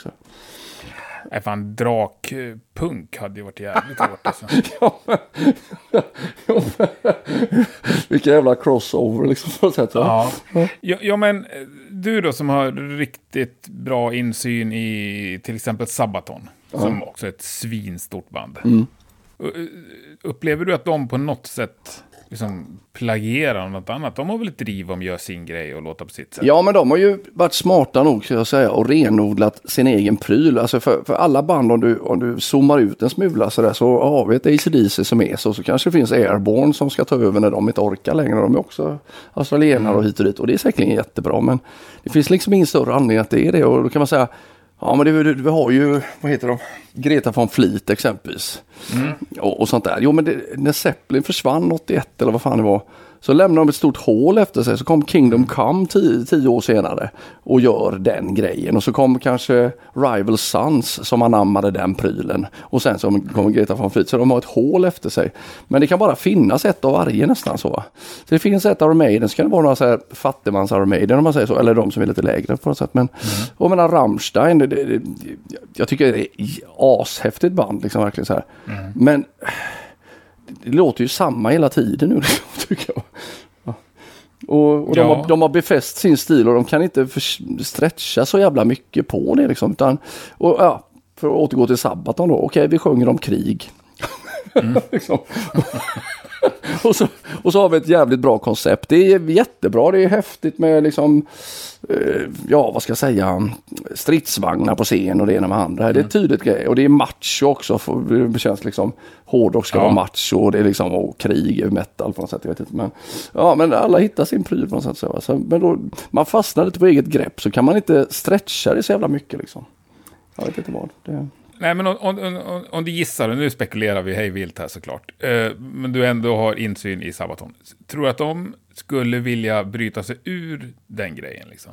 Nej, men jag tror inte de har vare sig någon, någon eh, anledning eller lust till det. För att menar, det går ju jättebra Nej. och det finns ju en uppsjö av nya koncept och de är väldigt påhittiga och kreativa med det. Så de har ju ett jävligt bra koncept att köra vidare på. Och sådär? Så att det, det ser jag väl ingen anledning varför att de skulle göra det. Om inte de bara tröttnar själv. Men då får de väl göra ett sidoprojekt. Det, det bästa för min del så, folk tror ju att jag är så kanske rastlös eller vad man ska säga på det sättet. Men jag ser det bara som självutveckling helt enkelt. Men jag, håller jag på med en grej för mycket så blir jag så trött på det så jag måste göra något helt annat sen. Och just därför har jag ofta kört tre band parallellt sådär. Då kan jag göra mm. Therion som är någon slags eh, eh, vad ska man säga, högtravande, alltså pompös operametal exempelvis. Och då kan jag få utlopp för de grejerna och använda mig av vissa influenser som passar in där i, i mig själv eller min eh, uppväxt. Om man ska säga. Och, men bara få balansera upp det så jag inte ska bli spyfärdig på alla kråsskjortor och, och, och, och sådär. Va? Så, så kan jag göra glamrock vid sidan av så får det någon rätt balans där. Liksom. Men vad ska mm. komma till är Green Day som jag tyckte blev var ett dussinband tills de gjorde eh, American Idiot och, eh, och den här plattan, vad heter det? Nervous Breakdown, eller vad 21 Nervous, jag kommer inte ihåg vad den heter. Century Breakdown tror jag I alla fall, men då blev de förmodligen lite trötta på den här grejen och då de tre medlemmarna då, då startade, hade de ett annat band som var ett hobbyband vid sidan av där de fick utlopp för någon slags 50-talsrock eller sådär. Bara som, Ja, en, som en, någon form av, nej, men som en ventil liksom. För om annars skulle de börja knö in massa grejer som inte passar i sitt originalband som är en, en, en eh, fungerande business helt enkelt. Och det skulle, då skulle det paja liksom helt enkelt. Så. Ja, men är inte det ändå lite synd då? Är inte coolare då att vara som Beatles? Och så gör man vad fan man vill. Och allting är Beatles. Men, man, men samtidigt så tror jag att det är så stor apparat och så stor business nu så att det, det, liksom, det blir så många som blir lidande liksom i, i hela organisationen. Så att det, det menar, om man tittar på det, om man tar exempel från 70 eller 60-talet, eh, även, då tror jag att det får vara mer vidsynt. Det fanns inte så jävla många band och de kunde göra lite vad de ville. Hur många band förändrar sig så, eh, så enormt mycket som Beatles gjorde liksom, exempelvis? Nej, men vi har ju några svenska, om vi snackar hårdrock så har vi liksom Opet och In Flames och det är väl två stora bra exempel som ändå har bytt liksom. Ja, Therion, herregud. Ja men Therion, ja, jo men Therion gör ju verkligen det. Men han har ju gjort det, till jag, menar Kristoffer säger ju all respekt åt det liksom att det är som en levande organism, liksom. det utvecklas och förändras och så hela tiden. Liksom. Och sen behöver man inte tycka om det, så menar, det är ett jävligt intressant fenomen med Therion att, vad så är det nog förmodligen för alla band, för folk behöver en invändningsperiod och lyssna in sig på någonting. Så, här, va? så att jag menar, om Therion är ute och turnerar på nya plattan som heter bla bla bla, så här, då spelar de inga låtar från den nästan, utan de spelar från förra plattan. Ja, för att den nya plattan den, den tycker inte folk är lika bra som den förra. Ja, folk tycker inte om den nya plattan. De tycker om den förra. Om det är lustigt när vi släppte den förra så tyckte ni inte om den för du tyckte om före det liksom. Så de, Ja, men det där tror jag är ett fenomen som också In Flames och Opet är med om verkligen alltså. jo men dessutom så är det lite så elitism liksom på något sätt och, och eh, nörderi. Att man ska briljera med att man har varit med länge. Man gillar bara Kill 'em all liksom sådär. Vet, va? För att jag minns han varit med för- från start. Ja. ja, fan, jag tänkte på Metallica också när du pratade om det här med Hardcore Superstar. Alltså, sen när Metallica verkligen försöker gå tillbaka till sitt tidiga sound, liksom, det funkar inte heller. Det är ju inte det folk vill ha. Alltså frågan är, folk- när man har kommit upp. säger att man vill ha en sak, men det är aldrig det man vill ha. Ja, det är ju jävligt svårt det där alltså, måste jag säga. Det, det, ja, vi vill ha lite utveckling. Samtidigt så får ni inte frångå för mycket från grundkonceptet och det är bara gnälls oavsett vad. Liksom. You're damned if you do, you're damned if you don't. På något sätt. Så det spelar ingen roll vad man gör. Och så vill folk bara ha det gamla. Men har man varit ett band i 40 år eller, eller närmare liksom. Och, och haft en storhetsperiod under sina, eh, i början av sin karriär. Jo, men menar, då är det väl så. Jag vet inte, jag kan bara tala för mig själv. Jag, jag gillar visst, jag menar, älskar Manowar. Liksom eh, under Into Glory Ride, Hail to England och den tidsperioden och så här. Men jag menar det är ju, jag gav upp dem 1990 ungefär va? Ja, och, och hur länge sedan är inte det? Det är ju 31 år sedan. Liksom. Ja, jo, men, och, ja, så jag skiter fullkomligt vad de gör nu, men det de gjorde då, det älskar jag. Liksom. Mm. Men du älskar ju också ACDC. Ja. Har du lyssnat på nya ACDC? Nej. Vad, vad, vad, skulle du säga att de skulle göra om du var deras manager? Ska de bara skita i att släppa nya plattor eller ska de byta koncept och börja spela rockabilly? Nej, alltså jag vet inte. De, de släpper inte så mycket plattor. Det var någon som kommer, jag tror De släppte ju en ny ändå. Jo, jag vet. Nalle, jag tror det var han som sa det i alla fall. Den nya är svinbra. Så, men jag har liksom inget intresse av att lyssna på det. Men det är ju bara jag helt enkelt. Jag, vill jag få en dos av ACDC så sätter jag väl på Back in Black eller liksom lyssna på ja, Dirty Deeds eller vad jag nu vill. Så där, jag behöver inte ja. höra någonting nytt. Jag, jag har liksom inget behov av det. Så känner jag med Judas Priest som jag alltid har dyrkat eller alltid gillat så jävla mm. mycket. Eh, den här, vad heter den, uh, Firepower. Och det ja. lät ju svinbra, absolut. Och det är ju en, mm. fantastiskt att höra Rob Halford sjunga, för han är så grym. Liksom. Oavsett mm. om han har tappat av sig det så, så är han så jävla bra så att han hanterar mm. det och, och, och lägger det i sådana lägen där det funkar.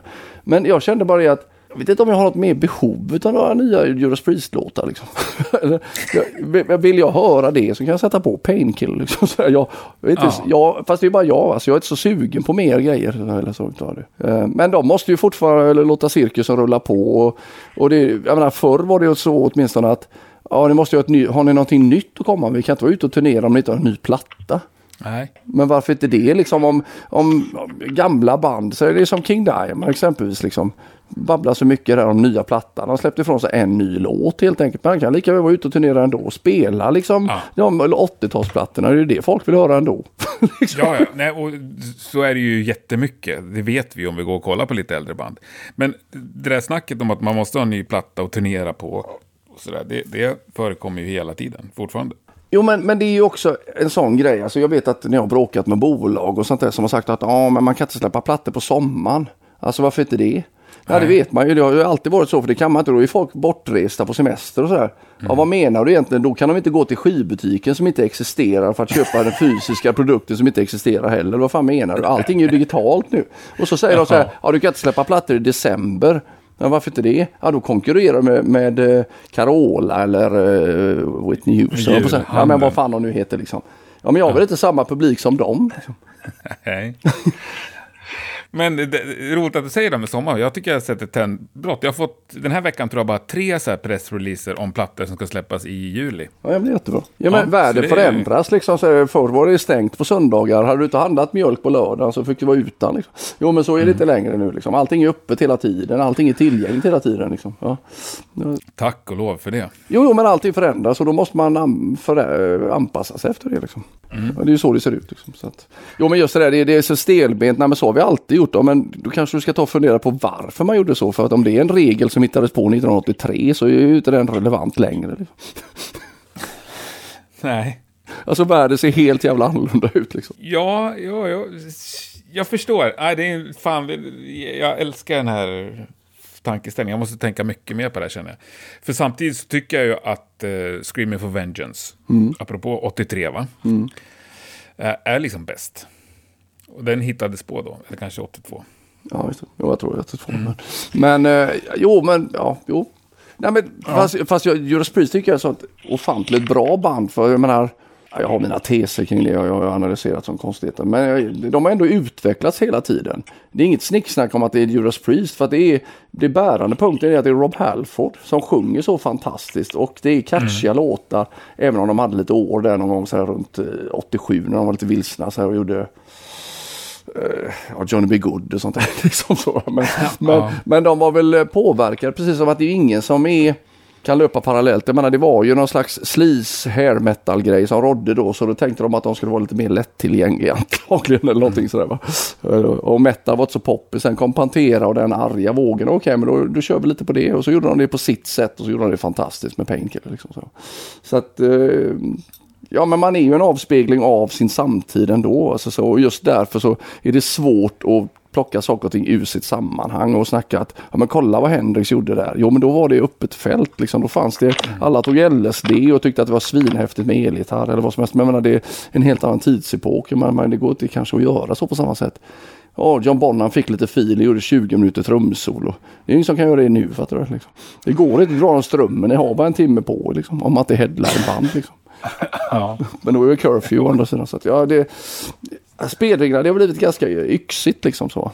Ja, ja, men jag har ju sagt det till mig själv. Ska jag ha ett riktigt band ska det vara som, vi står med ryggen åt publiken i den mån vi spelar ut överhuvudtaget. Liksom. Vi skiter i dem. vi spelar för oss själva. Så. Ja.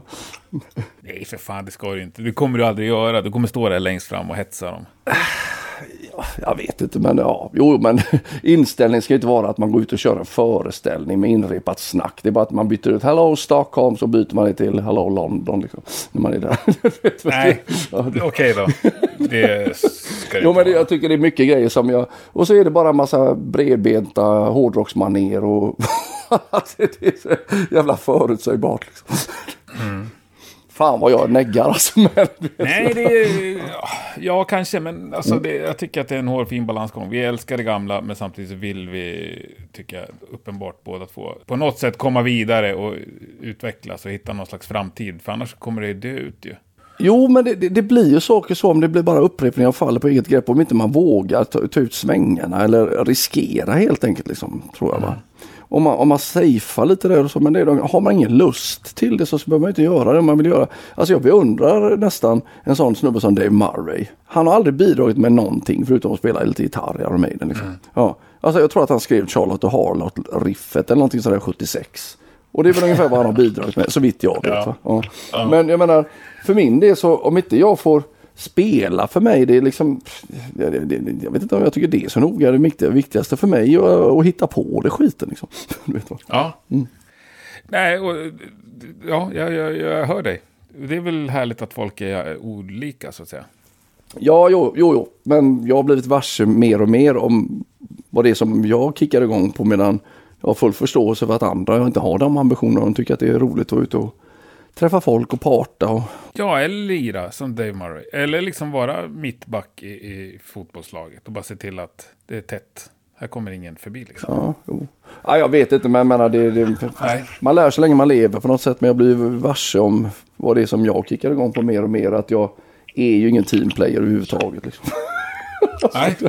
Nej, och fan det är väl skönt att man kan vara ärlig med, mot sig själv i, och andra i det liksom. Jo men det beror ju på hur, för min del det funkar liksom inte. Det har funkat vissa grejer när jag ska försöka samarbeta med, med skriva låtar ihop med folk och sådär. Men det kräver att man har en viss öppenhet. Men jag kan inte, jag tror att egentligen jag skulle varit konstnär faktiskt liksom. Uh, och så, så ramlade jag in på Kiss liksom. Då fick man hela paketet, både det visuella och tuffa bilder och uh, musik och så vidare också. Och det, jag menar när jag gör låtar så har jag alla delar, alla instrument och allting i huvudet. Liksom. Så, så att det, mm. då, då, då det är för att du är, du är ju konstnär, det är därför. Jo, men jag har inte fattat det förrän för ett år sedan kanske. Nej. Nej, för fan vad härligt Snowy. Du, jag, jag, vi måste avsluta. Fan vad synd. Ja, annars kommer jag aldrig hinna få ihop det här till ett avsnitt som måste vara klart imorgon. Jaha, det ska vara klart imorgon, okej. Okay. Ja, så pass. Jag har ju pratat så mycket skit nu. Det är inget annat uh, som är viktigt som, som jag flabbade bort liksom här. Säkert, men då får vi ta det nästa gång. Eller så kommer du på det nu och säger det. Vad har, du, har du någonting inplanerat i kalendern som du ser fram emot?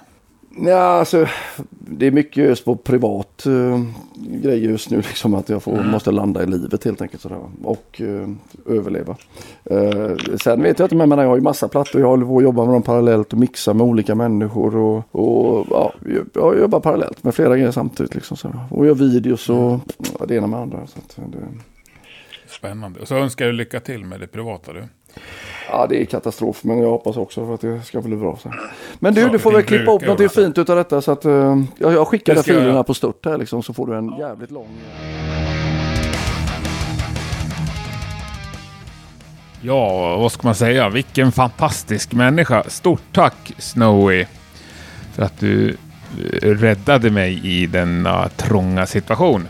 Trevligt var det också hela vägen ända in i mål. Jag tror däremot att Snowy sa fel på sin eh, hemsida. Snowyshow.net heter den ju. Det borde ju faktiskt han om någon veta. Men nu vet vi det i alla fall, så kan vi gå in där och köpa böcker och skivor och merch och grejer och stötta varandra. Stort tack för att du lyssnade. Vi hörs nästa torsdag och eh, då har vi ju som sagt ingen aning om vad som händer. Men någonting kommer komma. Ha det gott. Tack och hej.